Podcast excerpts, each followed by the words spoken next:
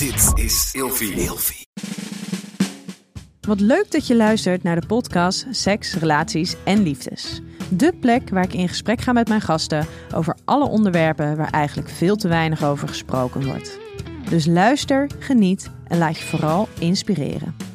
Ja, welkom allemaal bij een nieuwe aflevering van Seks, Relaties en Liefdes. En de gast van vandaag is Jurre Geluk. Hallo. Hallo, hallo. Ik vind jouw naam ook zo leuk. Wat een geluk dat jij gewoon Geluk heet van je achternaam. Nou, en dus ook beter dat het geen ongeluk is. Ja?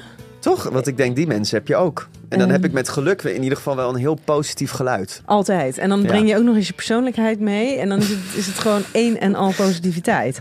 Ja, dat hoop je dan maar. Want als ik dan depressief ben, dan matcht Ja? het dus weer niet. Oeh. Of depressief, dat moet... Nee, Dat dat, is klinkt heel zwaar. zwaar. Nee, als ik een slechte dag Als je een heb. slechte dag hebt. Nou ja, Ja. iedereen mag een slechte dag hebben. hey, ik vind het altijd eh, heel fijn om met jou eh, in gesprek te mogen. Dus eh, onwijs fijn dat je er weer bent. Thanks dat ik er mag zijn. Hey, en wij hebben elkaar eerder gesproken. Om heel precies te zijn, als mensen het willen terugzoeken, is dat in aflevering 49 geweest. En ehm, toen kon ik jou nog voorstellen als eh, Jurre, ehm, de man van Spuiten en Slikken. Iris Date, ehm, je zal het maar hebben. Dus eigenlijk heel, eigenlijk denk ik wel een beetje een jonger publiek. Mhm. Ja.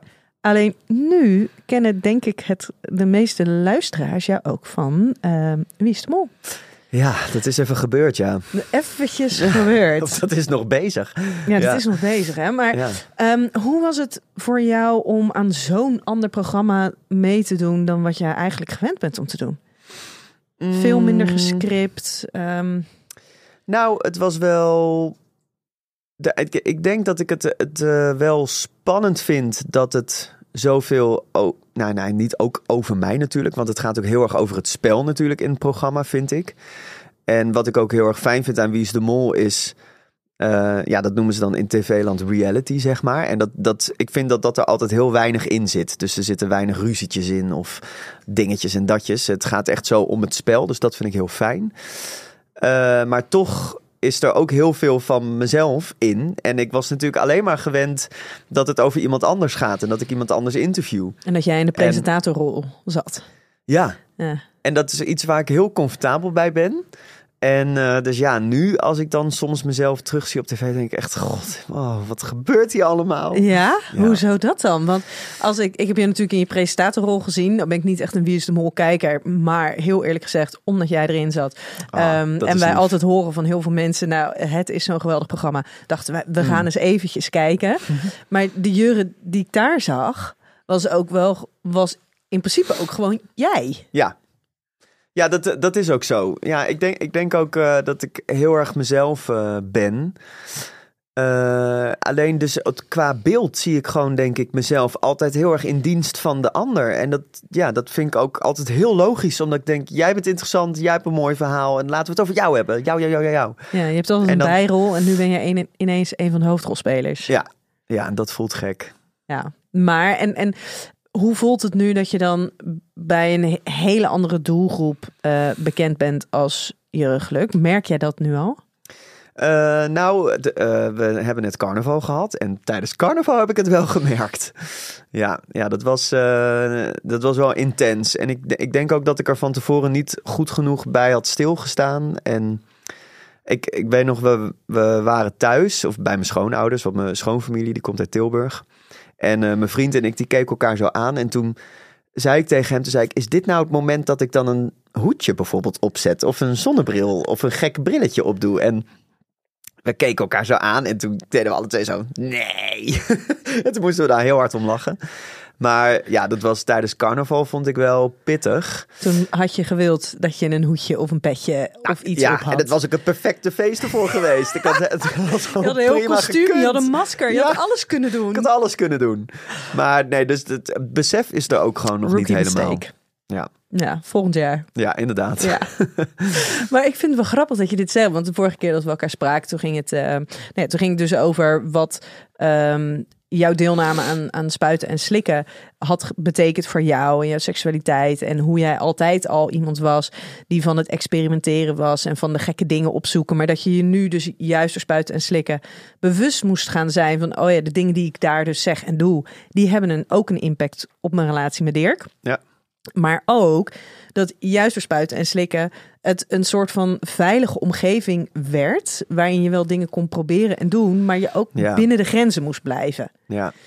Maar dat, dus dat heeft een enorme impact op jou gehad, dat programma. Ja, nou en ook, dus het grappig genoeg vind ik wat jij nu zegt, eh, dat dus door, door Wie is de Mol, eh, nou ja, is, de, is dan die, die, dat bekender worden een stuk groter geworden en zijn er dus ook meer mensen die me in de gaten houden. En dus gek genoeg, met, met Spuiten Slik heb ik nu net een nieuwe serie gemaakt, Juris Tweede Date, waarin we allemaal soort van nou, experimentele dingen gingen doen. En toen ging ik dat dus, toen wilde ik dat delen op mijn eigen Instagram. En toen dacht ik, oh, wat doe ik nu? Wel, En toen had ik ineens zo'n besefmoment dat ik dacht, ja, ik zat in een luier ergens. En eh, dat ik dacht, dat gaan dan ook al die mensen zien. En word ik daar dan op afgerekend? En dus dat, dat hele veilige spuiten en slikken vijvertje, die, die ben ik uit nu. Zo, maar dat lijkt me Ja. lastig. Want wat, Ja. wat zijn die twee dan nog wel, soort van die twee jurres nog wel verenigbaar? En, en de Ja. groep mensen die jou dus nu zijn in de gaten gaan houden, of jou nu tussen aanhalingstekens kennen, kunnen die, kunnen die dat wel aan? Ja, ja dat is echt. Ik, eh, nou, dus nu eigenlijk met die Juris tweede date. eh, vind ik dat iedere week echt heel spannend. En ook omdat die serie eh, gevoelig is, vind ik. Met de onderwerpen die we bespreken en de gasten die we daarin hebben. En wil ik gewoon dat het goed gaat. En dat mensen met een open blik daarnaar kijken. Ja, en niet er kritisch over zijn, Ja. omdat ze jou niet kunnen plaatsen in die setting. Ja.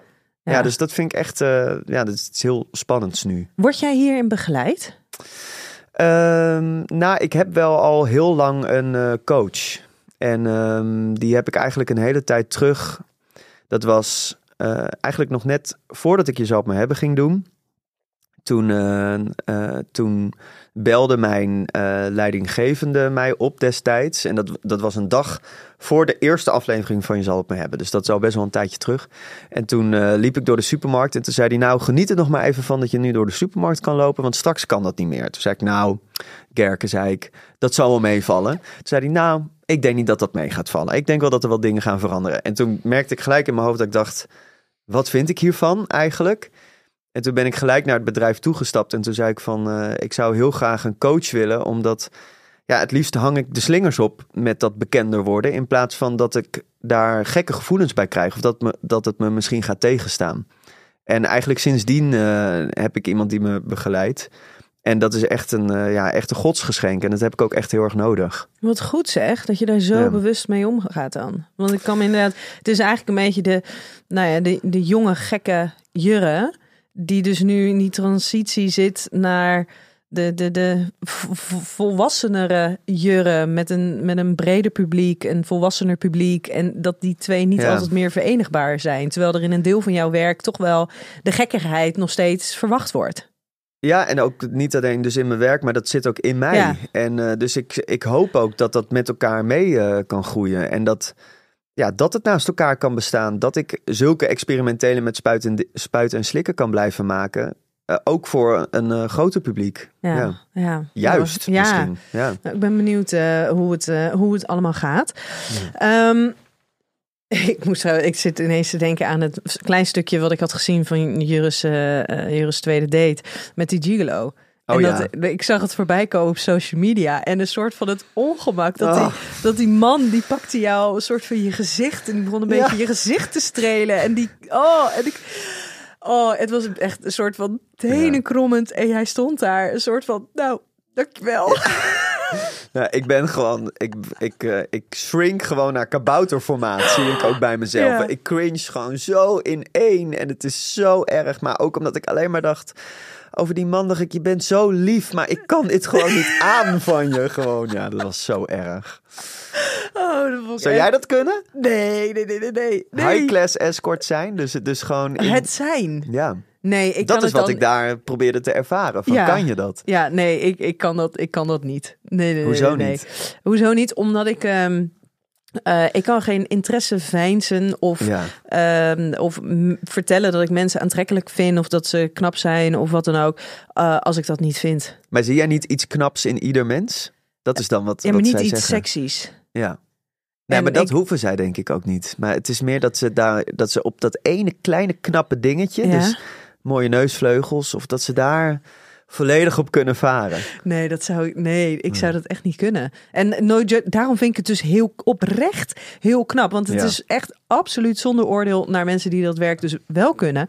Ik vind dat echt oprecht heel knap Ja. als je dat dus wel kan. Ik spreek over een aantal weken eh, spreek ik een dame en zij is, ehm, zij is sekswerker en dat doet zij bij ehm, mensen met een handicap. Ja. Ik vind dat zo fucking knap. Dat je dus die mensen Ja. eh, dan gewoon zo'n goed gevoel kan geven. En met zoveel liefde en respect kan, kan benaderen. En, en oh, ik vind dat zo knap. Ja, maar, Maar- vind je het ook niet gênant aan jezelf? En dat, dat, ook, ik eh, beaam dat hoor. Ik Ja. heb datzelfde gevoel, maar dan vind ik het dus gênant aan mezelf. En dan denk ik ook van, hoe kijk ik dan eigenlijk naar die mensen? Ja, dat- Als ik dat zo Ja. knap vind. Ja, Dat is ook, dat alsof vind het ik een dan opoffering heel, is of ja, zo dat die vind ze ik heel doen. erg. Ja. Ja, en dan inderdaad, waar, wa- dat het inderdaad wel erg is ehm, van, van jeetje, maar wat zegt dat dan over mij? Dat ik dat dan dus niet zou kunnen. En er Mhm. zijn dus wel gewoon mensen die dat wel kunnen. Dus maakt me dat dan oppervlakkig of zo. Ja. Terwijl aan de andere kant, ik wil nou helemaal niet seks hebben met iedereen. Ik Ja, wil dat is geen eigenlijk hoe fysiek contact Ja. met iedereen. Of ze Ja. nou, nou toevallig bij, hè, bij, bij die dame, die werkt dan specifiek met mensen met een handicap. Dus of het nou mens, met mensen met een handicap is of gewoon random iemand die op straat loopt. Ja. Ik hoef niet met iedereen seks. Die behoefte heb ik gewoon niet. Ja. Ja, ja, maar ja, misschien als je ze wat beter leert kennen wel. ja. Ja, dat is wel waar. Maar in hoeverre, als je eh gigolo bent of escort bent of eh sekswerker, hoe je je ook dan eh, identificeert, ehm, heb je altijd die tijd? Heb je dan altijd oprechte tijd om de ander te leren kennen? En Hoe snel die van Bill wil. Nou, volgens mij willen ze wel altijd heel graag echt een hele diepe connectie aangaan. En is dat ook wel het bijzondere aan het werk. ja, ja, ik vind het bijzonder. Ik vind het bijzonder. Misschien ik ga één wel dagje. Één ja. dagje, Nienke. Op Oeh. snuffelstage. Snuffelstage, ga je met me mee? Ja, tuurlijk. Gewoon samen snuffelstage. Hey, toen we elkaar vorige keer eh, spraken, toen ehm, eh, de- de- weet ik nog dat jij aangaf dat je ehm, het best wel lastig vindt op sommige me- momenten. Want toen zaten we midden in de coronaperiode. ehm, om, om je relatie, om daar goed mee om te gaan. En dat gewoon voortdurend lekker te laten lopen. Eh, nu zijn we eh, tenminste een jaar verder. Nou ben ik helemaal niet nieuwsgierig aangelegd. Eh, nou zag ik dat jullie onlangs nog samen op, eh, op vakantie waren. Dus Ja. Dirk is er in ieder geval nog wel. Hij is er nog. Zijn jullie het een beetje goed doorgekomen uiteindelijk? Ja, ja je bedoelt gewoon de, de hele corona. Ja. Nou, gewoon überhaupt de afgelopen Ja. tijd. Ja, al denk ik echt weer dat, eh, dat er iedere tijd weer zijn nieuwe uitdagingen kent. En de dingen waar we toen tegenaan liepen, die, ja, dat, ik denk dat dat ook nog steeds voortvloeit in, eh, in nu. Ehm, ja, en ik, ik denk ook dat we, dat we elkaar nog steeds. eh, ik denk dat we elkaar beter kennen. Maar ook dat dat dan weer uitdaging met zich meebrengt, ja. En, eh, maar ik denk dat de ontwikkeling die er wel heel erg in zit, is dat we, dat we steeds beter leren hoe we moeten communiceren met elkaar. En dat, dat, en dat ik dat ook vooral leer. Ik denk dat daar bij mij ook een heel groot leerpunt in zit. Ja. Ja, ja ik ben gewoon soms best wel snel op mijn teentjes getrapt. En eh, ik, ik merk ook dat ik eh, slecht ruzie kan maken. Dat komt niet heel erg uit mijn gezin. En ehm, ja, dus ik zit gewoon heel snel op de kast en ik trek het me dan heel erg aan. En terwijl het best wel fijn is als je soms gewoon, denk ik, op een goede manier eh, een, een pittig gesprek kan voeren. Maar ja, dan moet je het ook gewoon weer van je af laten glijden en denken, nou, eh, fijn. ja, we hebben het gehad. We, hebben het allebei gehad, even ja. kunnen zeggen. Ik heb even gehoord wat je hebt gezegd. Dat moet ik even verwerken. Dat moet ik maar even Ja. verdragen. En dan gaan we weer door. Ja, ja, en ik denk dat dat er nu echt mijn leerpunt is van de aankomende tijd. Van het, het eh, gewoon beter communiceren en het niet erg vinden dat, dat het over vervelende dingen gaat. En dat dan ook gewoon weer van me laten afglijden. Ja, en er is echt. Eigenlijk is er niks mooiers dan als je een, een moeilijk gesprek voert of een ingewikkeld gesprek voert. En dat je dan daar, dat kan voeren en ook weet. Ja, weet je, het is nu even shit. Ja, ehm, maar ik weet dat wij dit kunnen. En ik weet dat als we een half uur verder zijn, dat het dan alweer allemaal prettiger voelt. ja maar het is gewoon, dan moet je dus comfortabel worden met vervelende dingen. Ja, met onprettige gevoelens verdragen. Ja, En kritiek krijgen. Ja. En dan gewoon kunnen bedenken, oh ja, ik wil hier eigenlijk op reageren. Maar dat doe ik even niet. En ik luister. ja. Vind jij dat moeilijk? Oh, absoluut. Ja? Ja, ja, ja. Ik ben vanuit mezelf en ook vanuit mijn gezin. Wij zijn allemaal zo conflictvermijdend als het best. Nou, Oh, als ja? er iemand niet conflictvermijdend is, dan is het eh, mijn man wel. Dus met hem ben ik echt Oh, wel... eh, ben ik er al veel beter in geworden. En hij zegt altijd van ja, maar het is een Nijman dingetje en jullie zijn allemaal zo conflictvermijdend. En ik had het met mijn broer daarover eh, twee weken geleden. En die zei, nou als iemand niet conflictvermijdend is, dan ben jij dat wel. Nou, dat Echt? heel Oh, grappig. Ja. Want dat zegt dus wat over de mate van conflictvermijding eh, binnen het gezin. Ja, maar in jullie gezin ben jij in ieder geval degene die het meest dan... Ja, maar dat Ja. heb ik wel. En dat is tweeledig. Want aan de ene kant heb ik dat dus enorm van Ramon geleerd. Dat er af en toe gewoon dingen gezegd moeten worden. Plus, als ik dus het gevoel heb, hé, hey, er is iets. Ik ga gewoon, ik switch naar therapeutenrol. Denk, Oh. oh ja, dit gesprek kan ik ook met mijn cliënten voeren. Dus ik kan dit nu ook doen. Maar Oh ja, ik- dus dat is dan juist dus iets goeds. Ja, dat je dan, dus eh, ik ga dan ja. echt, ik doe dan, oh ja, nu moet ik dus eventjes niet vanuit mijn eigen, ja, ik moet wel mijn eigen dingen en mijn eigen gevoelens en mijn eigen behoeftes daarin bespreekbaar maken. Maar ik moet dus even, ehm, precies, dit is niet anders dan wanneer ik met een cliënt een gesprek Ja. voer. En daar een lastig of ingewikkeld gesprek mee Mm. voer. Ja. Maar vanuit mijn eigen persoon vind ik dat echt fucked up. Ja. dan wil je het gewoon uitschreeuwen. nou, of niet, gewoon het er niet over hebben en dan hopen dat het voorbij gaat. Grappig hè? Dus dat is dan toch gewoon een soort van kindreactie die we dan allemaal in ons hebben. Die dan gewoon zegt nee en dan gewoon weg. En mijn moeder die zegt ook altijd, eh, en wat niet helpt, is dat allebei mijn ouders zijn al- allebei hartstikke conflictvermijdend, ook weer allebei met hun reden. Maar ehm, mijn moeder zegt altijd van ja, maar het is niet voor niets zo lang zo goed gegaan binnen ons gezin met vier kinderen. En dat heeft er allemaal mee te maken met dat we dus een soort van af en toe even een sociaal Hmm. wenselijk Dingetje spel doen. speelden. Ja, Ja, spel speelde, ja. Ja. ja. Ja, en misschien is ook het een niet. Ik denk dat dit dan ook weer dingen met zich meebrengt, toch? Absoluut. De een is niet goed en het andere is. Ja. Ja, nou ja, dat zeker. Zeg maar, als je dan, eh, zolang je dus met z'n allen in één huishouden woont, werkt dat. Maar op het moment dat je dus allemaal Ja. je eigen levens gaat hebben en er zijn dus gewoon dingen die voorvallen, ehm, ja, dan wordt het dus heel lastig om die dingen op een, op een hele constructieve manier aan te pakken. Ja. En dan laat je ze dus etteren met nou ja, allerlei gevolgen van dien. ja. Ja. Hey, ik heb jou ehm, gevraagd van goh, over welk onderwerp wilde jij het vandaag hebben? En toen kwam er eigenlijk met een hele reeks aan thema's. En ik probeer eigenlijk altijd één onderwerp altijd te kiezen. En toen dacht ik, weet je wat Jurre, gaan we het lekker over van alles hebben. Dat is prima. dus eh, we gaan een beetje alle kanten op, zoals dat we nu ook al hebben gedaan. Ehm, ik had jou ehm, tijdens de eerste keer dat we elkaar spraken, eh, tenminste de aflevering, eh, gevraagd om vijf woorden te bedenken. Die gingen over eh seks, relaties en liefdes bij jou. En toen waren het, en dat weet ik nog, dat super lief was dat. Dus het eerste wat je in jou opkwam was Dirk. ja. En toen was jij de enige die ooit een partner had genoemd. En Dat is als, voor zover ik me kan herinneren, tot op heden ben je nog steeds de enige die ooit zijn Oh. partner in die woorden heeft genoemd. Oh, dit moet ik even doorgeven aan hem. Ja, ehm, onzekerheden, experimenteren, samensmelten en groei. Ja. Zou dat nu anders zijn? Nou, ik denk wel dat ik Dirk zou veranderen in. ehm, Eh. Welke naam komt? in Peter? Dat, nee. nee, maar meer. Ik denk dat ik mijn. ehm, eh, ik zou denk ik iets van wat van hem is, dus zijn naam, zou ik het liefst denk ik als eerste woord in iets willen veranderen wat van ons samen is. Dus eh Jirk. Nee, dat, nee, daar kots ik van. Nee, maar dus ik zou het heel. Dus dan misschien samen zou dan mijn eerste woord zijn. Eh, en ehm, even kijken naar de rest. Onzekerheden, experimenteren, samensmelten en groei. Nou, ik denk dat onzekerheden nog steeds heel erg wel er zit, ja. Dus samen onzekerheden.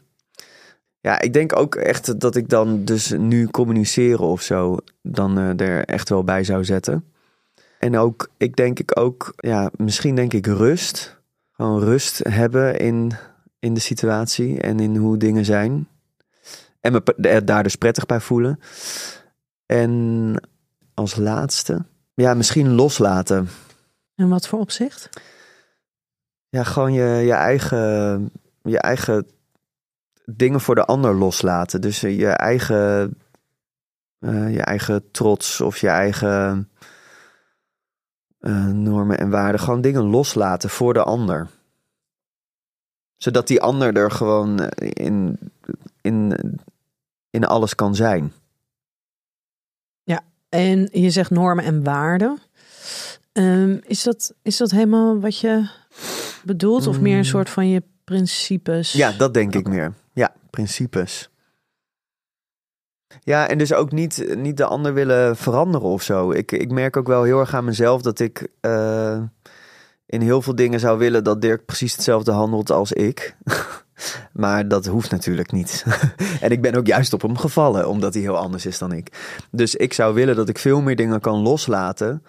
Om hem gewoon, dat hij gewoon op zijn manier leeft. En ik dat gewoon heel ook leuk vind. Dat hij op een andere manier de vaatwasser uitruimt. Of op een andere manier met problemen omgaat. Ja. Ja. ja. Oh, grappig dat jij dan komt met inderdaad met de vaatwasser uitruimen. Ehm, maar, Als ik hem al uitruim. Ja. ik doe dat bijna nooit. maar is, is dat dan andersom ook zo? Ja. Ja, ik zou ook heel graag willen dat hij dat bij mij doet. Maar willen, want dat gebeurt nog niet altijd. Ehm, ja, ik denk dat we alle twee heel erg in stand houden wat we bij elkaar doen. Ja, dus dat ik ook krijg wat ik geef. Ja, En dat is eigenlijk dus onvoldoende loslaten. ja. Ja. ja. Maar ik herken het wel heel erg hoor. Ik weet dat in het begin van mijn relatie met Ramon wilde ik eh, bijvoorbeeld dat hij zou gaan sporten. En daar heb ik best wel veel, ben ik er tegen aangelopen. Ga nou eens bewegen, ga nou eens sporten. En waarom weet je. wilde jij dat dan?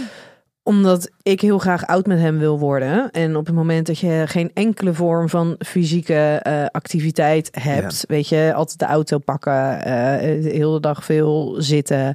Dus daar zit geen enkele vorm van, van dat in.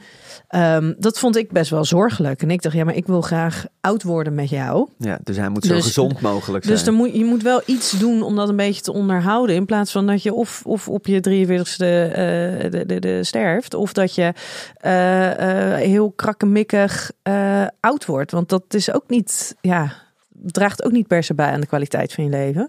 En ik heb daar echt wel heel veel ergernis aan gehad. En toen op een gegeven moment dacht ik, ja, ach, je bent eh, oud genoeg. Ja. Ehm, je loopt maar zelf op een gegeven moment ergens tegen de muur aan. Dat je denkt, oh, misschien is het handig als ik toch wat ga doen. Ik hoop dat we daar nu zijn. Maar dat heeft dus al negen jaar geduurd. Maar het heeft me echt... Maar je kan toch ook oud worden zonder sporten? Ja, het is ook weer Ja, ik niet dat als je niet sport of als je niet beweegt, dat het dan definitief is dat je... Nee, Nee. Maar, nee maar weet je, met, met sporten, eh, als ik zeg, goh, we gaan even wandelen. eh, of heb je zin om eventjes eh, daarheen te lopen? En dan is het zes minuten lopen en dan pakt hij liever de auto. Ja. Dat. ja, ik herken dat heel erg. Ik ben ook zo ontzettend lui. Ja. Maar elke, ik zeg niet dat, ik zeg niet dat Ramon lui is hoor. Maar ik ben heel erg lui, dus ik snap dat zo goed. Maar ja, Ja, en ik, voor mij is sporten altijd. Ik ben heel erg opgegroeid met sport. En Ja. dat is altijd, heeft er zo, zo ingezeten. En ik gun het hem gewoon zo. Zeker omdat hij dan on- zeg maar lichamelijke pijntjes heeft. En gewoon ook merkt dat zijn lijf dan niet fit is. En ja maar is dat dus ook niet een soort van, van eh, dat je jezelf een beetje boven stelt boven hem van ik gun het hem zo? Want ja, als hij, hij mag toch weten wat hij doet, Ja, wat hem op- gelukkig maakt. Op Hoe- het moment dat je op je 33ste 's ochtends wakker wordt en helemaal stijf bent en er niet uitkomt omdat je lijf zoveel pijn doet, dan denk ik Hmm. Enige vorm van beweging, ook al is het maar dus elke dag eventjes eh, twee keer een kwartiertje ergens naartoe lopen omdat je daar praktisch gezien heen moet, denk ik niet dat dat heel onverstandig is. En van mij hoeft hij echt geen bodybuilder te worden of net zo van, van sport te gaan genieten als dat ik dat doe. Ehm, maar het, het heeft me in ieder geval in het begin van onze relatie heel veel gekost. En toen dacht ik ineens, heel veel energie gekost. Omdat ik inderdaad dacht, ik wil heel graag dat jij dit gaat doen. Dus ook inderdaad het veranderen van. En toen dacht ik op een gegeven moment, weet je, laat maar. Want dit kost me zoveel en het levert me zo weinig op. En vervolgens ben ik, nog een soort ja. van teleurgesteld. Elke keer als hij zegt, ik ga er wat mee doen en ik doe het niet. En dat is natuurlijk andersom, werkt dat natuurlijk precies hetzelfde. Maar ik merk dat ik dus juist door het loslaten, dat dat zoveel ruimte geeft. Ja. Oh, maar ik denk dat zoveel mensen dit hebben met bijvoorbeeld sporten. ja. Toch? In, eh, in relaties. Want de een doet het altijd meer dan de ander. Dus de ander voelt zich daar altijd misschien... Heeft daar misschien gevoelens bij. Ja, en voor hem een manier om eh, om te gaan met stress of iets wat hij gewoon heel erg leuk vindt. Hij heeft de eerste twintig jaar van zijn leven heeft hij eigenlijk alleen maar gewerkt. Hmm. En ehm, op een gegeven moment, de laatste paar jaar, zijn daar heel veel sociale contacten gekomen. En dat hij het dus heerlijk vindt om gewoon eh, s s'avonds nog een drankje in de kroeg te gaan doen. Ja. En ik heb die behoefte totaal niet. En dan kan ik zeggen, ja, ik wil dat je thuis blijft. Eh, maar ik kan ook zeggen, ga lekker. En me er vooral niet aan ergeren dat dat, dat is wat hij nodig heeft. Nou, en, je, en, en ik denk ook, ik merk ook soms bij, bij onze relatie dan, van eh, als ik hem laat doen wat hij wil, dan is dat voor ons alle twee beter. Ja. En dan hebben wij het samen ook echt leuker. Ja, dus jij Ja. kan hem wel dan thuis laten, maar dan zit hij met zo'n bakkes Ja, eh, absoluut. naast je. Of dan wordt hij pils onrustig. gedronken, ja. Ja, of dan wordt hij onrustig. En dat Ja. ik dan al bijna de neiging heb van, eh, als je nog even weg wil, ga dan alsjeblieft. Ja, Ja, maar ik denk inderdaad met dat ehm, loslaten dat dat echt wel een hele belangrijke is. En dat hij dus, weet je, vermengd zit met het de ander accepteren zoals die is. Dus niet willen Ja. veranderen. Betekent niet dat je geen rekening met de ander kan houden. Of af en Mhm. toe dingen aanpassen die gewoon Ja. echt dysfunctioneel voor de relatie zijn. Ehm, maar wat je inderdaad ook zegt, waarschijnlijk krijg je evenveel daarvan terug als dat je aan je partner geeft. ja, Ja. ja. Hey, ik heb voor jou eh, vijf kutkeuzes. Oké. Dus je moet kiezen. Leuk. Altijd moeten blijven experimenteren met seks of altijd dezelfde soort seks? Ehm, even denken, want ik vind experimenteren dus ook altijd wel heel vermoeiend. En het brengt ook heel veel weer met zich mee. Dus, en ik vind altijd, ik vind, oh ja, dit is echt een moeilijke, ja. Ehm, nee, ja, dan, dan zou ik dus toch wel kiezen voor altijd eh, voor de, de hard way. Omdat ik denk dat, ja, het, het kost dan wel meer energie, maar het, het eh, brengt misschien ook dan wel iets meer interessante gesprekken of eh, Ja. nieuwe dingen. Ja, als ik deze aan Dirk zou vragen, wat zou hij dan zeggen? Ehm, goh. Mm, ja, misschien wel het andere, denk ik. Ik weet niet. Ik denk dat hij ook wel een beetje in het midden zou zweven. Ja. Strikte monogamie of een relatie met meer vrijheden? Ehm, nee, ik denk wel ehm, dat we wellicht toegaan. eh, daar zijn we nog niet. Maar dat we naar een relatie eh, toe willen met meer vrijheden. En ja, wat die vorm dan zou moeten zijn, dat vind ik ook nog wel lastig om te bedenken. Ja, want ik weet dat eh, dit onderwerp hebben we even ook aangetikt tijdens de vorige keer dat we elkaar spraken. En toen Ja, zei je ook van, hé, hey, dat is wel waar we heen gaan. We zijn er nu nog niet. Je bent vervolgens ben je dan een, een jaar verder. ja. En we Is- zijn er nog steeds En niet. Nee, Ja. maar dat is, heb je, heb je ergens, had jij, van, had jij een jaar geleden bedacht van, oh, volgend jaar zitten we eigenlijk gewoon nog precies in dezelfde relatiemodus? Nee, nee, ik dacht dat we denk ik eh, dan wel een keer een triootje of een kwartetje hadden gehad. Ja. En ehm, ja, ik kan heel erg... ehm, ja, we hebben er ook gewoon niet heel veel eh, energie in gestoken, denk ik. Het, komt dus klaarblijkelijk niet uit de lucht vallen. Dat is dan wel weer duidelijk. Ja, je moet daar echt energie in stoppen. En dat hebben we dus niet voldoende gedaan. En ja, ook wel omdat ik ja, omdat ik toch altijd ook wel een beetje van, van links naar rechts eh, blijf gaan daarin. Ik, aan de ene kant lijkt me meer vrijheden heel leuk. Maar aan de andere kant zie ik ook wel op tegen de gesprekken die we dan daarover moeten hebben. Ja, hoor mij, moeten hebben. Eh, en ja, vind ik het soms ook wel eens lekker om dat niet te hoeven hebben. Lekker vermijden. Lekker vermijden, ja. Lekker vermijden. Ja, nou ja, en dat kost dan dus ook wel iets. Want anders dan, ja, als we wel die gesprekken zouden hebben, dan hadden we misschien wel een triootje of een kwartet gehad. Maar ja, het, het is er dus blijkbaar niet geweest. Ja. Nee, maar het is wel, het, ja, het is inderdaad wel wat je zegt. Ehm, met die vrijheden komen ook meer complexe gesprekken. Ja, en misschien ook mooie gesprekken hoor. Of, Dat en ook. kunnen ook makkelijke gesprekken zijn, maar het zijn in ieder geval meer gesprekken. Ja, meer gesprekken. Nou ja, maar ook wel over eh, waarin elementen van onzekerheid, afwijzing, Ja. eh, lichte verwijten maken naar de ander. Hoe kan je daar dan vervolgens weer op een liefdevolle manier mee omgaan? En, Ja. en de, de, de, de goede intenties van de ander blijven zien.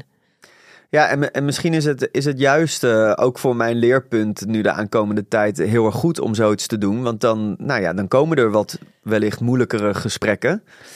Eh, Ja. En, en waarvan je, ja, ja. Ja. Ehm, misschien, ja, misschien daarom. Ja. Misschien juist daarom dat gaan doen. Nee, zo, zo, zo simpel is het natuurlijk niet. Uh, maar het is natuurlijk wel zonde dat je zoiets zou vermijden uit angst van, uh, voor de gesprekken die je daardoor moet gaan voeren. Ja, en niet alleen de gesprekken hoor, maar ik denk ook de gedachtes. En um, zoals? Ja, die onzekerheden en um, uh, ja, hoe komen we daar dan uit? Ja, gewoon ben denk een beetje bang voor het onbekende. Maar het is ook wel dat ik eh, bijvoorbeeld bij vrienden van me merk uh, hoe fantastisch soms die verhalen zijn, maar ook hoe, hoe moeilijk soms de dingen zijn die je dan die je dan ook hoort. En daar hebben we het dan gezamenlijk over. En ik merk dan wel dat als ik dan thuis kom, dat ik dan tegen Dirk zeg: Poeh, nou, die was uh, weer daar en daar tegen gelopen. En dan, dat ik dan stiekem in mijn eigen hoofd denk: Ik ben blij dat wij niet in die situatie zitten. Ja. En dat is natuurlijk ook niet eerlijk om dan die situatie dan weer helemaal daarop te betrekken. Want dat hoeft natuurlijk dan weer niet helemaal zo te lopen. Maar uh, ja, ik vind toch ook nog wel dat er naast de, de leuke dingen die er kunnen gebeuren, ook best wel dat je voor pittige uitdagingen komt te staan. Absoluut. Geven of ontvangen in de seks? Oeh. Mm, uh, ja, geven. Terwijl ik wel weer wat meer ook uh, zou willen ontvangen. Ja, ik vind dat toch ook wel. Uh, ik denk dat ik al snel in een gevende rol zit. terwijl ik het denk dat ik het ook echt super geil zou vinden om uh, te ontvangen. Ja. Hoe komt het dan dat je dus al heel snel in die gevende rol zit, terwijl je dus wel bewust bent van ik zou wel willen ontvangen? Uh, is dat eenmaal de dynamiek die er tussen ja. jullie is? Ik denk dat het zo is ontstaan en ik denk ook wel dat ik sneller, nou ja, letterlijk en figuurlijk ook mijn woordje klaar heb, ook tijdens de seks. Uh, dus ik denk ook dat ik snel in die rol zit. Uh, ja, en ik denk ook dat we alle twee wat comfortabeler ermee moeten worden dat we het dan eens af en toe omdraaien. Ja, en dit is specifiek met Dirk, maar als je, als je het vergelijkt met andere sekspartners? Ja, ik denk ook wel dat ik dan uh, meer, meer de touwtjes in handen heb. Ja. ja, terwijl ik het ook. Ik, ik zou ook echt zo erg als een soort van fantasie kunnen hebben dat ik een soort van uh, heel machteloos sletje ben die op bed wordt gedumpt. En uh, weet je, dat zou ik zo, dat zou ik zo geil vinden. Ja, maar Zeker. Zou, zou Dirk dat kunnen bij jou? Zou jij dat soort van accepteren als hij dat doet? Of denk je dan, nee, dat is een van mijn bekende zinnetjes, wat doe je nu? Dokter, wat, is, wat doe je nu? Wat doe jij nou? Wat doe jij nu? Uh, nee, ik denk dat we er zeker heel hard om zouden moeten giechelen. Maar ik zou ja, het liefst wel willen dat we daar zouden kunnen komen. Denk je dat jullie dat kunnen? Uh, ja, weet ik niet. Ik denk dat we daar heel hard voor, voor zouden moeten oefenen. Is het in je fantasie, zie je, daar, zie je Dirk daar ook bij? Of zie je dan een hele grote man die dat doet bij jou? Um, nou, ik denk dat het makkelijker is om bijvoorbeeld zo'n fantasie te bedenken met natuurlijk iemand die niet zo ingekleurd is als, uh, als mijn vriend. Uh, maar ik, ja, ik zou wel heel graag de moeite in willen steken om uh, wel daar samen te kunnen komen. Want ik denk dat als je. Dat is ook iets wat ik altijd, sowieso altijd heel erg voel. Heel veel ook schaamte tijdens seks. En nou ja, waar wij het ook de vorige keer over hebben gehad. Het lijkt me zo fijn als je, als je je daarin zo vrij kan voelen bij elkaar. En je dus helemaal in dat soort rollenspellen kan verliezen. Ja, ja. Maar ja, als ik er dan realistisch over nadenk, denk ik, ja, we, we, we leven gewoon 24-7 met elkaar. Dus hoe is het wel reëel om dat te verlangen? Ja, terwijl er dus, er zijn mensen die dat dus wel doen, stellen. Ja. Maar wat is het dan dat bij hun, dat, dat, ja, dat zij dat wel kunnen? Ik zei, ik met die rollenspellen, als er iets is waarbij ik alleen maar aan het giechelen ben, dan is, is het is dat, dat wel. Dat, ja? Ja. Ik kan, ik kan dat zo slecht. Ik, nou ja, mijn, mijn ervaringen zijn ook niet heel ruim daarin hoor. Maar alleen al het idee eraan. Maar en kan dat niet, denk je, ook naast elkaar liggen? Dus, uh, dus dat je alle twee lol hebt van de rollen die je aanneemt? Uh, ja, ongetwijfeld. Ja. Maar ik heb ook, ik, ja, jij bent natuurlijk wel van het acteren. Um, ik, ben, ik heb altijd ook bijvoorbeeld op theater en zo, dat soort dingen. Ik vind het verschrikkelijk. Rollenspellen met opleidingen, verschrikkelijk. ja, je hebt het gewoon niet met niet jezelf zijn. Nee, ja. ja. ik kan gewoon niet zo... Misschien is dat het inderdaad wel. Ik kan gewoon niet een andere rol aannemen dan dat ik, uh, dan dat ik mezelf ben. Ja, dat voelt niet comfortabel voor jou. Nee, en in de rollen... Ik snap dat ik nu ook verschillende rollen aanneem. Maar dat zijn wel rollen waarbij ik tenminste Ja. zeg maar 75, 80 procent mezelf kan Ja. zijn. Ja, die heel erg in jezelf liggen. Precies. Nou ja, misschien zit hem daar wel ergens in. Hey, eh, porno of fantaseren? Nee, sowieso porno.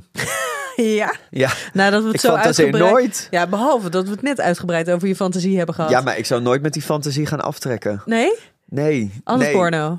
Altijd porno. En ik zou wel heel graag willen dat dat verandert. Ja. Maar eh, ja, ik had het hier volgens mij ook een tijdje terug met een collega over. Toen zei ik van, toen zei ik van fantaseer jij nog wel eens? En, Zo eh, oldschool. Wat, ja. Nou, en ook de- dat ik dacht, waar heb je zin in? In al die moeite. Nee, dat is echt het grootste ding voor mij. Dat ik denk, ja, dan moet ik gewoon 20 minuten gaan fantaseren. En dan, dan na 20 minuten kom ik eens een keertje. Terwijl met porno is het binnen een paar minuten gedaan. Ja, maar En dan moet vind- je er dus een betere fantasie vinden. Ja. Ja, ik denk dat het, eh, dat kost me heel veel moeite. En dat is, ik vind het ook tegelijkertijd heel gênant hoor van mezelf. Dat ik dus daarin zo... Ja, dat ik daar geen zin in heb om mezelf te verrijken daarmee. Maar ja, ik ben denk ik gewoon dan daar dus veel te lui voor aangelegd. En ook ik heb veel te veel zin om die snelle prikkels te consumeren. Ja. Dat vind ik zo lekker aan porno. Dat je gewoon zo snel zoveel kan voelen. In plaats van die... Ja, ik kan, ik kan het me niet eens dus inbeelden. Ik kan het niet eens fantaseren hoe fantaseren meer is. Nee, het is grappig, want ik heb juist dus dat met fantaseren, dat is voor mij dus zo snel binnen een paar Echt, je hebt het omgedraaid. Ja. En bij porno, dat, dat, dat duurt lang voordat ik ergens iets zie wat ik in... Echt? Ja, maar dat is Wow, wel... Hoe kan je- dat zo verschillend zijn tussen Nou, ons? wat, wat daarin wel is... eh, hoe oud ben jij? 30. Nou ja, wij schelen niet eens zo superveel. Maar wat je, wat je heel erg ziet ehm, met eh, de, zeg maar de, de generatie die echt opgegroeid is met, met porno en dan Ja. ook echt met, met, met snelle, snelle internetverbinding, ehm, is dat, dat porno kan natuurlijk is inderdaad heel erg van de, van de hele snelle prikkels, van de, van het de, de snel klaar kunnen komen, snel opwinding, snel klaar kunnen komen. Ehm, maar het, de, de, impact die het dus heeft, is je hoeft nooit je best te doen. Je Ja. hoeft nooit zelf moeite te Nee, doen, want het I wordt je dus gepresenteerd. En ehm, met fantaseren, ja, daar he- heb je echt dat creatieve brein, het inbeeldingsvermogen, Ja. eh, dat heb je daar veel meer voor nodig. En dat is wel echt één ding ehm, waar, ja, wat heel duidelijk zichtbaar is, is dat hoe, eigenlijk hoe meer porno je kijkt, hoe slechter je dus in fantaseren wordt. Want als jij Ja, het hebt nee, ja, over, te- over totaal. 20 minuten en dan, nou ja, dan moet je 20 minuten een fantasie vasthouden. Nou, ik ken weinig mensen die een script hebben van een fantasie die het inderdaad 20 minuten lang volhoudt, zeg maar. Ja. Ehm, terwijl dus als je, maar fantaseren kan je wel leren. ja. Maar dan moet je dus wel echt een fantasie hebben of een erotische herinnering, een beeld, eh, zeg, ja, wat van alles met jou doet. ja, maar het is ook gewoon dat ik dan bij mezelf afvraag van heb ik daar zin in? Ja, maar dat is waarschijnlijk al omdat porno voor jou die quick fix is.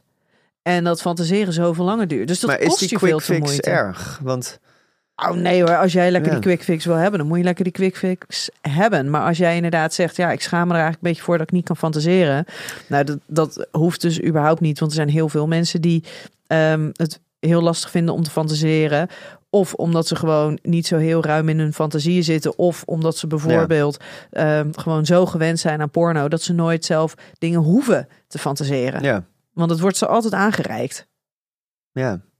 Nou, en ik dacht ook wel met, met dat porno kijken, dacht ik ook van op het moment dat ik nou voel dat dit invloed heeft op Dirk en mij, dan moet ik even een tandje terug doen.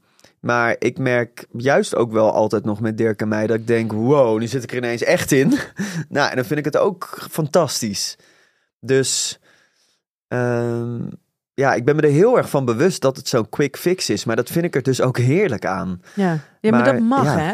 Ik denk dat het waar Ja. het misgaat, ja, Maar ik vind het wel heel romantisch zo. Om dan helemaal zo. Dat vind ik ook zo mooi aan Tantra, weet je wel. Dat dan.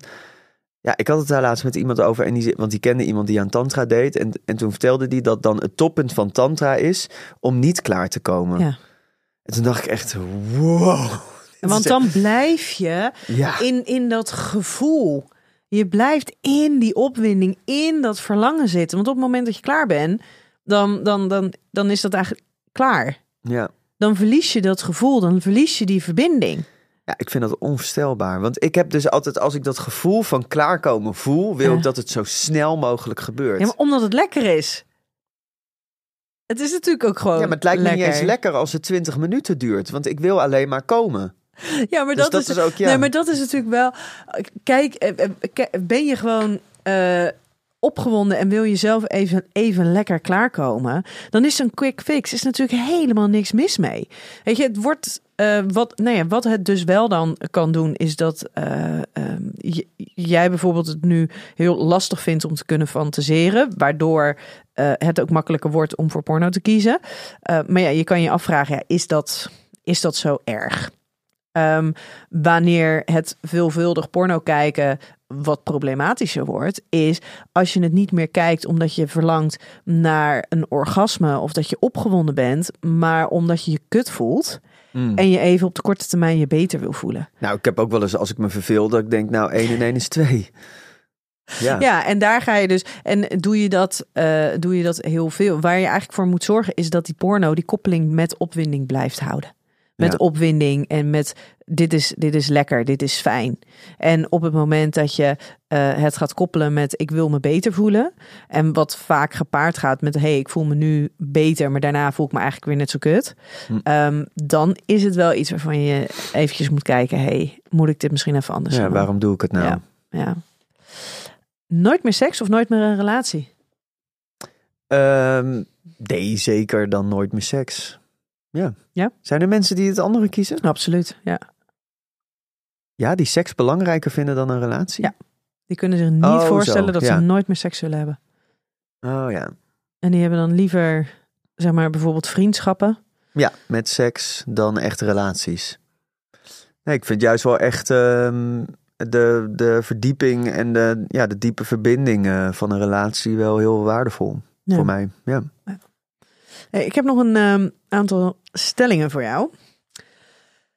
Om vrij te zijn in je seksualiteit is het belangrijk om geen onzekerheden te hebben. Ehm, nee, ik denk dat. ehm, ja, ik denk wel dat je je nog. eh, nee, want ik denk ook dat juist onzekerheden je ook een heel vrij gevoel eh, kunnen geven. Als je dan. Ik denk dat de onzekerheden ook weer heel mooi dingen inkleuren. En dat.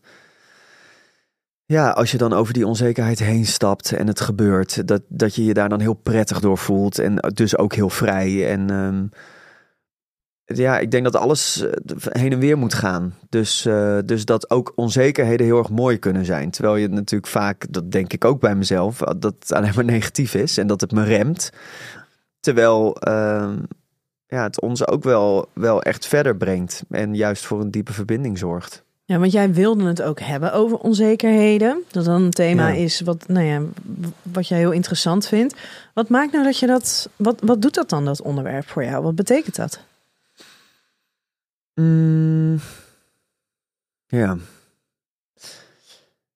Ja, ik denk dat ik het gewoon eh, zo interessant vind dat je je zo op je gemak bij iemand kan voelen en dat je toch tegelijkertijd nog altijd zoveel onzekerheden houdt. Eh, terwijl, ja, ik weet bijvoorbeeld met Dirk dat ik ben echt de man van zijn leven en dat voel ik ook in alles. Maar toch, ja, ook tijdens de seks kunnen hele kleine dingen kunnen van zulke grote impact op mij zijn en ja, daar word ik gewoon zo kotsziek van dat dat altijd zo'n ding is, weet je wel? Dat, ja, en misschien juist omdat Dirk alles voor me is, dat, dat het me dan dus zo veel raakt. Maar eh, ja, ook gewoon eh, dat, ik, dat ik altijd onzeker ben over mijn buik. Dat ik altijd onzeker ben of ik wel schoon genoeg ben. Eh, dat ik niet stink of dat ik gewoon een vieze piemel heb. Of ja, gewoon die onzekerheden, dat, dat is voor mij zo'n groot onderdeel van seks hebben. Ja. Bizar, hè? Dat Ja. je dus je dan zo veilig voelt binnen de relatie. En je weet, je weet rationeel dat de ander alles van je accepteert. Mm. En dat dat gevoel er dan toch zo kan blijven zijn. Ja, en ik denk ook, dat- dat ligt enorm aan mij. Want ik denk ook dat op het moment dat Dirk al zijn... Of ik denk dat als, als Dirk al iets anders doet dan wat ik dacht dat hij zou doen, dan denk ik al dat daar een afwijzing in zit. En weet je wel, dus ik ook mijn, mijn voelsprieten staan zeg maar op maximaal, op veel te overdreven. En daardoor ben ik gewoon een soort van kwetsbaar hert die, die in bed ligt. Ja. Weet je waar dat vandaan komt? Mm.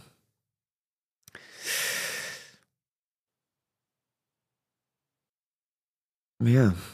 Want voor iemand die zoveel met seksualiteit te maken heeft gehad, die weet dat, dat alles mogelijk is, die weet, ja, soms ben je, ruik je even wat minder fris. Ja, dat, weet je, zo so be it. Ja. Ehm, dat dat dus dan toch zo, zo aanwezig is voor jou.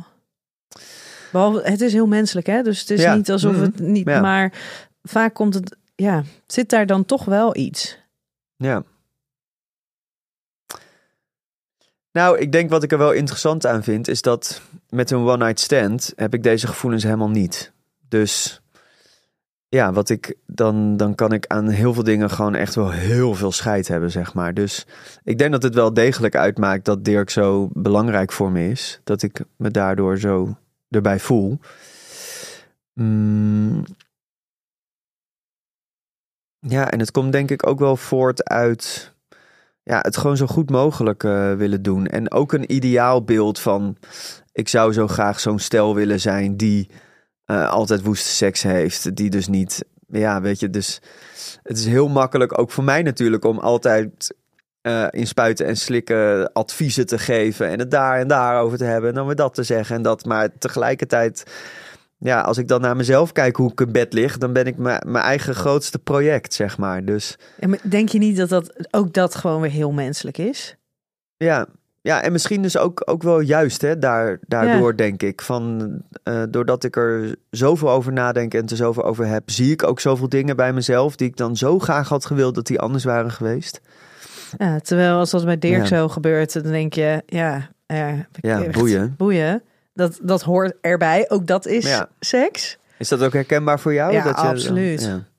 Absoluut. Dat je, je- ik weet zo, zeg maar, wat voor processen er in je, in je lijf gebeuren. Wanneer je wat zou voelen, hoe je reageert op dingen. Dat ik zo, ehm, zo bezig ben met mezelf daarin ook analyseren. Ja. Weet je dat op het moment dat je dan opwinding voelt, dat je dan denkt: yes, check that box. ja, inderdaad. En Oh, dat ja. je dan. Het is er, ja. het- Precies. En dat je dan denkt: ja, maar ben je wel vochtig genoeg? En dat je dus echt daarmee bezig bent. Totdat je daar op een of andere manier bevestiging van krijgt. Ja, dus dat is, Ja. dat is super stom. En analyseren staat wel haaks op loslaten. Ja. Wat tijdens de seks Ja. natuurlijk enorm fijn is als je Als shit kan, kan. loslaten. Ja. Ja, en dat ik dus, Ja. hè, een van de dingen die ik weet is dan van, hé, je moet dus, om dat dus, om, om dat analyseren een klein beetje los te laten, is het gewoon heel belangrijk dat je jezelf echt helemaal onderdompelt Ja. in, in die opwinding. Ehm, maar daarvan weet ik, daar heb ik die ander weer voor nodig. Ja. Dus dan kan ik dat wel willen, maar dan moet die andere daarin volledig aansluiten om dat ook, Ja. ook nou ja, te faciliteren als het ware. Dus dat, ja, ik vind het af en toe vind ik het hartstikke ingewikkeld. Nou, ik had dus op een gegeven moment dat ik ook wel heel erg daar tegenaan liep. En ook dat ik. eh, toen hebben we daar wel echt een verandering in aangebracht. Wat voor mij heel goed werkt. Is dat.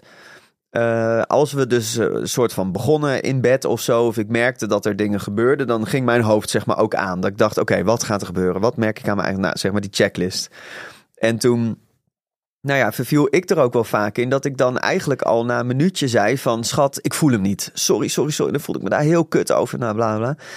En toen op een gegeven moment heb ik gewoon tegen Dirk gezegd van... en ook, nou, hebben we samen eigenlijk bedacht van... ehm, we, ik geef het gewoon even tien minuten, zeg maar, of een kwartier. En eigenlijk al na een paar minuten, dan ineens, dan kom ik toch wel echt in dat gevoel... en dan voel ik dat dingen van me afglijden. Ja, of dan is dat- het net even een aanraking dat je denkt, oh, dit voelt wel Ja, fijn. Oh, dit is hem ja. wel. En ja. dat je een beetje dat soort van dat vertrouwen krijgt van, Ja. het komt wel goed. Ja, dat heeft echt voor mij de weer. Dus gewoon nu, als we dan beginnen, denk ik, ik geef het 10 minuten. Ja, Nou, en dan op de een of andere manier, dan, dan willen dus gewoon heel vaak. Dat is echt zo fijn. ja. Ja. Ehm, door zoveel te experimenteren met seks haal je elke vorm van schaamte weg. Ehm, nou, ik denk niet elke, maar ik denk wel veel meer. Ja, ik zou. eh, ik denk ook dat ik daarom heel graag nog meer zou willen experimenteren. Om eh, comfortabeler te worden bij, ja, bij gewoon nieuwe dingen. Maar ehm, zijn, ja, en zijn, ik denk dus ook me minder schamen, ja. zijn er dingen die jij nog... Zijn er dingen waarvan je specifiek zoiets hebt van... hé, hey, dat zou ik oprecht heel interessant vinden om, om te proberen? En zijn dat dan dingen waarvan je oprecht denkt... dit zou zomaar iets kunnen zijn... eh, wat een verrijking kan zijn voor mijn eigen seksualiteit? Mm, Want een beetje ja, dat is principieel. Ja. experimenteren. Ja, weet je, er zijn natuurlijk honderd dingen die je kan gaan doen. Maar ja, dat zou een soort van uit het principe. Ik, ik vind dat ik alles geprobeerd moet hebben. Of ik vind dat ik moet blijven experimenteren. En niet zozeer, goh, dit is iets waar ik nu behoefte aan heb.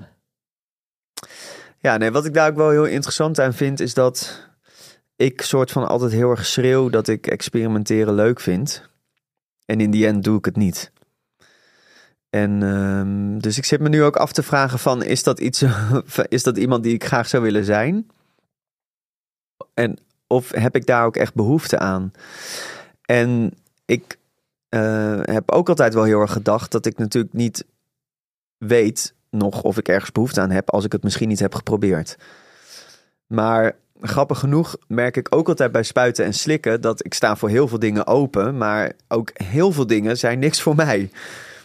Uh, dus, en ik heb al echt een hoop bij spuiten en slikken gedaan, maar het heeft me nog nooit dusdanig gekieteld dat er. En ik zit daar al vijf jaar. Ja, dus gaat er dan nog iets ja. komen? Er is al zoveel wat je, wat je hebt gedaan. Nou, ik hoop heel erg dat ik het, dat ik bijvoorbeeld in, in, in BDSM, maar ja, misschien wil ik dat en uh, wil ik het niet echt.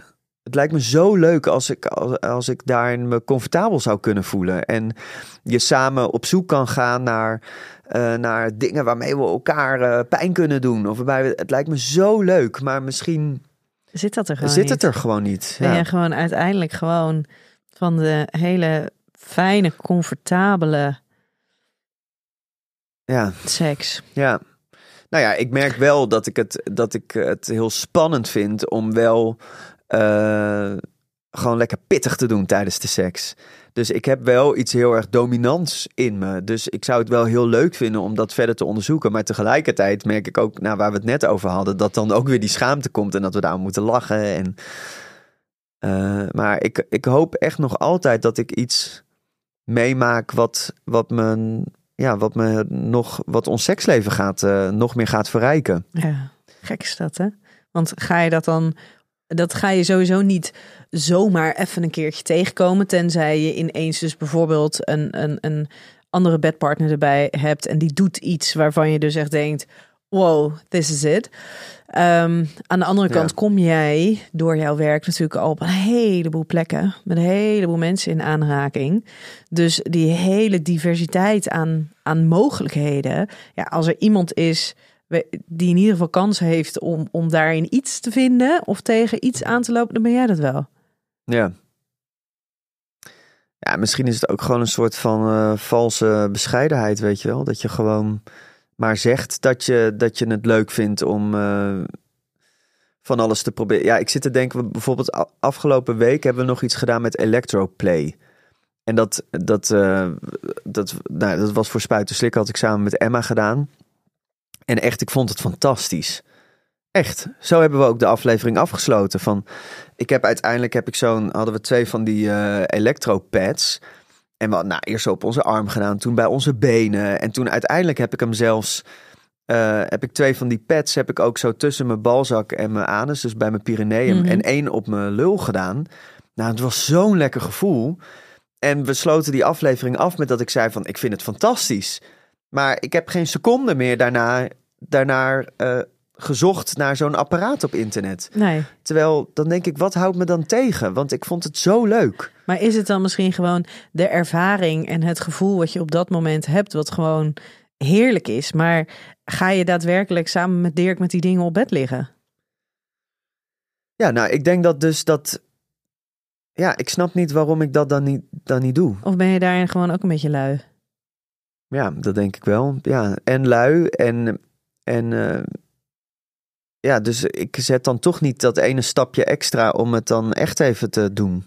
En wat ik me afvraag, ik heb in de loop der jaren heb ik ook eh, nee, een hele kast vol met van alles en nog wat aan, aan attributen, speeltjes, weet ik het wat allemaal. Ehm, behalve naast eh, één speeltje van Lelo, wat ik al negen jaar heb, en ehm, een massagekaars, doe ik echt met niks iets. Ja, dat wilde ik net vragen. Terwijl, ja, het, is, het, het ligt letterlijk naast het bed. Ehm, het, het is niet alsof het onprettig is. Heel Ja. veel dingen zijn ook helemaal niet moeilijk om te gebruiken. Maar het daadwerkelijk doen. Maar en wat is dan voor jou, denk je, waarom, waarom pak je niet iets? Ja, dat weet, dat weet ik dus ook niet zo goed. Ook een soort, ja, ook een soort van. eh, ik denk er ook eigenlijk nooit aan. Ehm, Gek toch? Zoveel Ja. mogelijkheden. En dan Ja. dat je het dan dus niet doorzet. En Of is het dan ook, ook, ook eh, de schaamte dat je denkt van Nee. ga ik nu dit stap... nee. Want ik kan letterlijk kastje open doen, pakken en nee. En er is ook niemand die tegen mij dan zegt op dat moment dat het gek is of dat het niet mag. Of ik denk dat, eh, dat er een gat in de lucht wordt gesprongen als ik zeg: eh, hey, Ja. Nou, of dus geen behoefte aan. Van het is gewoon goed. het, is, het, is, het is lekker zoals dat het is. Ja. En het is alleen maar afleiding. En inderdaad, in, dat, in dat moment kunnen zijn en daarin kunnen opgaan, dat er is niks wat het lekkerder kan maken dan dat. ja. Ja. Gek eigenlijk, hè? Dat is ook wel weer chill. Ja. Ja, chille gedachten. Ervoor kiezen om monogaam te zijn, is een ultieme vorm van ware liefde. Mm. Ja, ik, ik denk het natuurlijk echt oprecht dat dat per, eh, per stijl en per persoon anders is. Ehm, nee, want ik denk ook dat, dat ervoor kiezen om niet monogaam te zijn ook echt een enorm eh, liefdevolle keuze is. Ja, en ik heb daar, ja, ik vind het zo ontzettend eh, knap als, eh, als mensen dat doen. En ehm, nee, ik heb meer juist altijd een beetje dat ik denk, monogaam is een beetje de, de saaie, makkelijke keuze.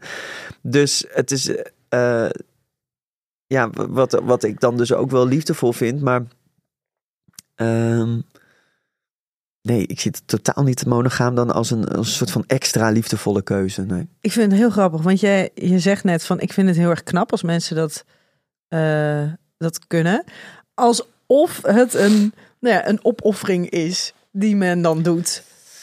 Nee, nou, het, het, zit, het is gewoon zo niet, eh, niet standaard. Dus het is wel degelijk even een dingetje waar je over na moet denken. En eh, ja, Terwijl, zeker als je in. ehm, er zijn, even uit mijn hoofd, zijn er in Nederland zo'n 800.000 mensen die hun relatie op een niet-monogame manier inkleuren. Dus dat betekent dat er ongeveer zo'n 16,5 miljoen mensen zijn die wel. Nou ja, dat is natuurlijk niet waar, want eh, er, er zitten ook kinderen bij, dus dat klopt niet. Maar eh, laten we zeggen, dan zijn er in ieder geval zo'n zo'n zo'n 10 tot 13 miljoen mensen die hun relaties wel monogaam eh, inkleuren. Mhm. Daarvan zijn er natuurlijk een heleboel mensen die vreemd gaan. Dus Ja. dan kan je je inderdaad afvragen, ja, ehm, kies je er dan echt voor om monogaam te zijn? En wat houdt dat dan in? Wat betekent dat dan? ja. Ehm, maar monogamie is in principe natuurlijk gewoon hartstikke de, nog de norm, de trend. ja het, het begint wel al te veranderen, denk ik. Ja, maar het, het, is wel heel ver. Willen die, die Ja. 800.000 mensen zijn nog lang niet in de meerderheid, hoor. Nee. Nee, zeker. Maar ik denk dat het wel heel lekker zou zijn als niet monogaam zijn de standaard zou zijn. Ja, en vanuit dat punt je er ook voor kan kiezen om monogaam te zijn. Ja, dat is toch heerlijk? Ik denk dat dat een veel betere volgorde is. Zodat mensen bewust kunnen kiezen voor monogamie, waar Ja. echt helemaal niks mee, mis mee is Nee. op het moment dat dat is wat jij, wat jij wil. Ja. Maar dat het ook veel minder druk op relaties legt. Dat Ja. er veel minder relaties stuk gaan. Ja. Eh, want op het moment dat die norm is, eh, de- nou ja, al is de norm, je mag zelf kiezen. Als dat al het beginpunt Ja. is. Ja, het is ook heel gek eigenlijk om al te beginnen in een eh, gekaderd iets. Net zoals met dat het heel fijn zou zijn als bi zijn de, de standaard is. En vanuit daar ga je Ja. ontdekken wat het eigenlijk is. Ja, Ja. dat zou zoveel oplossen. Ja. Ja. Maar ik, voordat we daar zijn, Ja. Dat is dat ik weet, denk niet dat we daar gaan komen. Maar het is wel Nou, mooi. is het niet al met, met alle... Ja, nu ga ik heel openachtig klinken. Mhm. Maar met de Gen Z eh, kids, dat, eh, dat bi zijn echt... Daar draaien mensen hun hand niet voor om. Dat idee heb ik wel. Dat het gewoon... eh, Ehm, oh ja, ja, maar- bi, ja, de, tuurlijk. Maar vanuit een ander oogpunt denk ik dat eh, als, je, als je zegt van hé, hey, maar zullen we niet gewoon in de basis ehm, een soort van ervan uitgaan dat je dus op, op, op iedereen kan vallen en dat in de loop der tijd er, er duidelijker wordt tot wie je aangetrokken voelt. En dat kan nog steeds dan tot iedereen zijn, maar voor, voor de meeste mensen zal daar een specifiekere voorkeur uitkomen. Ehm, dat is natuurlijk wat anders dan dat het een soort van ehm, bijna een beetje trend dingetje is. Van Ja. dit is, dit is, ik, ik label mezelf als biseksueel. Ja, omdat ik mezelf niet wil, labelen. Precies. En dus label ik mezelf. Ja, maar de- omdat dat gewoon eh, nodig is, dus blijkbaar. Want Ja. we moeten iets, iets bedenken. Ja. Maar dat het zou mooi zijn als we, als we een beginpunt hebben, zowel met relaties als met, met seksuele voorkeur, ja. dat we dus geen standaard beginpunt hebben. Dat je gewoon zegt, ik weet het nog niet. Ik weet het nog niet. Het ligt nog open. We gaan het zien. Ik ben nog nooit verliefd geweest. Ik heb nog nooit seks gehad. Ik heb nog nooit een lange relatie gehad. We gaan het zien. Ja. Ja, ik, ik denk dat ik daar eerder naar zou willen streven dan naar een punt van hé, hey, we zijn allemaal non-monogaam of we zijn allemaal biseksueel. Ja. Want dan label je het toch ook weer. Ja. En dan zet je mensen ook alweer onder druk. Ja. En dan maakt de stap om van dat label af te komen ook alweer groter voor mensen. ja, je doet dan eigenlijk inderdaad wat je niet wil. Ja. Ja. Mensen in de media hebben de bevestiging nodig van anderen om zich zekerder te voelen. Eh, ja. Nou ja, eh, je, je, mm, ik denk dat je in de media zit omdat het, ehm, nou ja, misschien. Ik denk ook echt oprecht dat je in de media kan zitten omdat je dan eh, denkt dat het prettig is om op een grotere manier verhalen te kunnen verspreiden. Maar je hebt ook wel mensen die in de media zitten omdat ze het fijn vinden om gezien te worden. En als ik niet gezien had willen worden, had ik ook columns kunnen gaan schrijven. Want dan wordt toch mijn verhaal verspreid en dan word ik niet gezien. Dus eh, ik denk dat ik het ook fijn vind om gezien te worden.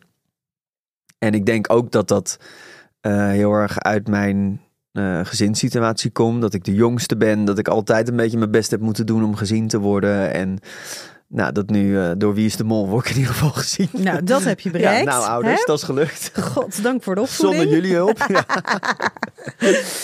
Ehm, ja, dus ik vind dat wel interessant. Ook omdat ehm, eh, ik het altijd heel suf vind van mezelf dat ik soms zeg moeite te hebben met dat bekender worden. Maar ja, wat denk je als je met je gezicht op televisie komt? En Ja. presentator van Ja. programma's wordt. Ja. En je, dat is nog wat anders dan af en toe even aansluiten bij een Ja. show. Ja, enorm.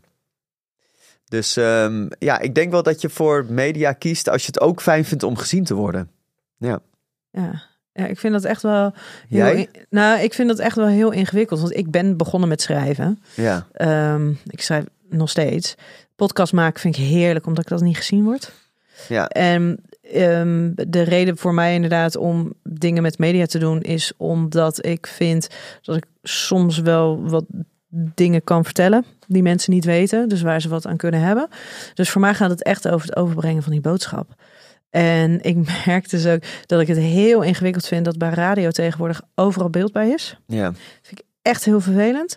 En ik merk dus ook dat overal waar beeld bij is, bijvoorbeeld op tv, dat soort dingen, dat ik een soort van, ehm, nou ja, ja, ik weet niet, dat ik een soort van weerstand ervaar. En dus ook met, nou ja, haar make-up wordt dan vaak gedaan bij, bij, bij, bij talkshows en zo. Mm. Ehm, maar dat ik dan ook zo nonchalant mogelijk ehm ten tonele wil komen. Dat ik ook echt denk, Ja. ik ga niet eens extra mijn best doen.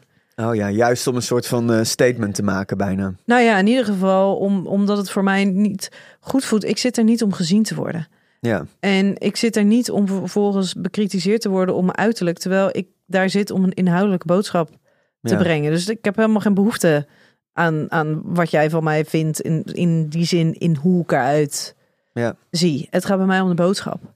En daarin vind ik, snap ik dat tv, dat het heel tof kan zijn. Maar in mijn beleving is dat het alleen als ik ook echt inhoudelijk iets, Ja. de ruimte krijg om iets over te brengen. Maar ja, het gaat dus gewoon samen. Want ik denk ook dat politici, ja, wil je heel veel kunnen betekenen, dan word je dus bekend. Ja, Het, eh, ja, het, Ja. het, eh, hangt samen. en dat, is- ja, dat is heel, ik vind dat, ja, ik vind dat heel ingewikkeld. Ja. Ook wel. Want ik zou het liefst zou ik echt heel veel mensen willen bereiken. Ehm, maar zonder dat ze, dat ze mijn hoofd kennen. Nou, dan moet je net zoals Sia, moet je zo'n... of trouwens, die is nu ook wel herkenbaar, toch? Ja, die is nu ook wel Ja. herkenbaar. Ja, Maar die is maar- wel zo begonnen. ja. maar dat, dat lijkt me echt het, het mooiste. Maar ja, aan de andere kant, mensen willen ook gezichten erbij hebben. Ik weet dat ehm, Ja. bijvoorbeeld met social media. Ik heb pas drie jaar Instagram. Ja, Omdat ik het echt verschrikkelijk vond. En nu nog steeds, elke keer weer. Dan zit ik, ben ik met iemand in gesprek en dan denk ik, oh, dit zou mooie, relevante inhoud zijn voor, voor, voor andere mensen. En dan heb ik de tekst en dan moet ik er een foto bij zoeken. En denk laat maar. ja. Ik vind dat zo shit. Maar het, ik, je verhaal kan je wellicht ook beter overbrengen als je kop eh, bekender wordt. Ja, en Ja. eh, daar zit dus de Dus ook, tegenstrijdigheid. Want mensen zijn eerder naar je geneigd. Zo werken Ja. we ook. Als het iemand is die we, die we herkennen. En het is hoe het is iemand die wat bekender is. Dus gaan we, gaan Goed we daar naar luisteren. luisteren. Dus gaan we die podcast luisteren. Dus ga je die volgen. Dus dat snap ik ook wel. Maar ik, ik, Nee, voel je dat ook niet? Want dat heb ik soms, ik ook, dat had ik ook hoor. Van eerder keek ik eh, alleen maar negatief naar. En toen dacht ik ook, ja, wat heb ik hier nou eigenlijk aan? ja, nee, Dat ik ook wel, het, het is ook wel, het, eh, het is niet alleen maar slecht. nee, maar het het is ook- ook niet. Er is, er is niks slechts aan. Ja, om bekend te zijn. Alleen voor mijn eigen gevoel, ik heb nooit, ik ben nooit de media inge, tenminste, Ja. ja. ik ben erin in gerold, Ehm, maar dat heb ik nooit gedaan. Ik heb nooit de ambitie gehad om bekend te zijn ja, en nog steeds niet. ja, Maar ik wil wel mensen helpen. ja. En die twee. Nou ja, maar ik denk dat als je dan zelf ook voelt van, eh, om nog meer mensen te helpen, moet ik ook bekender worden. Dan voelt het alweer prettiger. Snap je? In Ja, plaats van dat je iets wordt aangedaan. Ja, Ja. Ja. ja. maar ik, vind, ik blijf meer ingewikkeld vinden. En ergens hoop ik ook wel dat ik een beetje ingewikkelder blijf vinden. Want ik, nu, ik wil niet zo'n commerciële therapeut Mhm. zijn die overal die, die alleen maar voor de bekendheid gaat. ja. Daar zit ook weer het risico in. Ja, maar ik denk dat het een hele, hele mooie maatstaaf is. Als jij alleen maar ergens wil zitten omdat je inhoudelijk iets wil vertellen, dan. Nou Ja. laten we over een paar jaar eh, kijken hoe het er dan voor staat. Ik hoop het. Hey, de laatste. Mannen hebben net zo te lijden onder de schoonheidsidealen rondom lichamen als dat vrouwen dat hebben. Ehm, ja, nou, ter- terwijl ik ook wel een tijd terug zoiets hoorde van er is niks zo onveranderlijk gebleven als het mannelijke schoonheidsideaal al heel lang. En vrouwelijke schoonheidsidealen die ja, zijn nog misschien een beetje fluïde, toch, door de jaren heen. En daardoor denk ik, ja, misschien word je als man veel sneller in een soort van, ja, zit je veel vaster in een, eh, kan je veel minder vrij bewegen. Of je voldoet eraan of voldoet er niet aan. In Ja. plaats van er ontsta- is nog een kans dat over een paar jaar Ja. jouw lichaam wel daaraan voldoet. Nou, of het er, zit- er is, het beweegt. Ja. Weet je, het is voor mannen is het wel, vind ik wel, eh, is het wel grotendeels. eh, je moet eh, lang gespierd zijn en haar hebben en die dingen Waar moet je haar hebben precies? op je hoofd. Oké. Nee, want kaal is ook eh, ontzettend lang eh, bij je leuter is het in geweest. Misschien ook nog wel steeds, dat, ja. dat snap ik niet zo goed. Nee? Nee, hallo, je bent toch geen twaalf? ja, Ja, misschien ben je trots je het goed laten zien. In plaats van zo'n bosje wat erboven zit. Ja, ik hou ook van een beetje haar hoor. Maar... oké. Ja, nee, ja, nee. Ik Ja. heb dan echt van, ja, nee, je bent wel gewoon, je bent een, een je bent toch een man. Je bent geen jongetje. Ja, ik denk dat er meer mannen zijn die scheren alles dan die haar hebben. Nou, weet dat ik denk niet. ik echt. Want Nee? er zijn echt heel veel mensen. En ik denk dat de mensen waar jij tegen, die jij tegenkomt of die daarmee bezig zijn, dat dat ook een soort van bubbel is. Nee, maar ka- nee, want ik, juist mijn vrienden hebben haar. ah, Nee, ik denk dat kaal zijn een soort van hygiëne ding is. Dat echt zoveel mannen Ja, maar als ik helemaal kaal naar- scheren, omdat ze dat dan schoon vinden. ja, maar als ik naar, naar, weet je, mijn vader die is 70. al die mensen, en dat zijn Ja. er een heleboel. Nee, die laat het wel staan. Ja, en ik, ik, pff, ik zou het bijna eens willen, willen nagaan hoe dit, eh, We moeten een polletje houden. zit. Nou, misschien moeten we dat eens even gaan doen. Ja. Scheer je of ben je kaal? Ja. Heb je haar of helemaal geen haar? Als man. Ik ga hem zo even erop gooien, ja?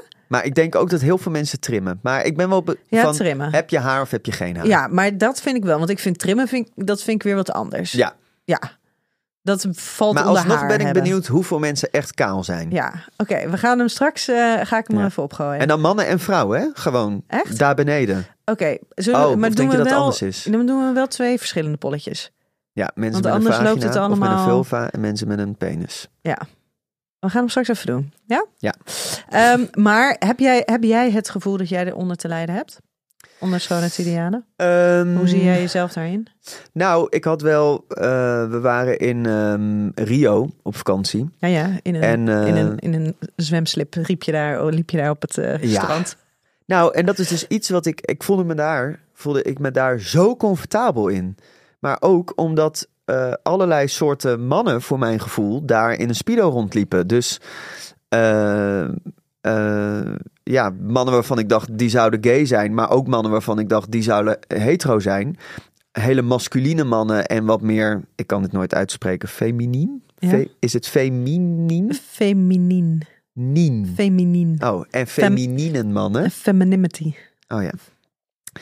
Ehm, maar ook eh, mensen met eh, alle soorten lichaamstypes. Dus ook echt hele volle mannen die echt in een piepklein spirootje daar rondliepen. En nou, dat was echt voor mij was dat zo'n eye-opener. En ik voelde me zo chill in mijn spido. Omdat ik dacht, nou, mijn lijf mag er gewoon in alles zijn.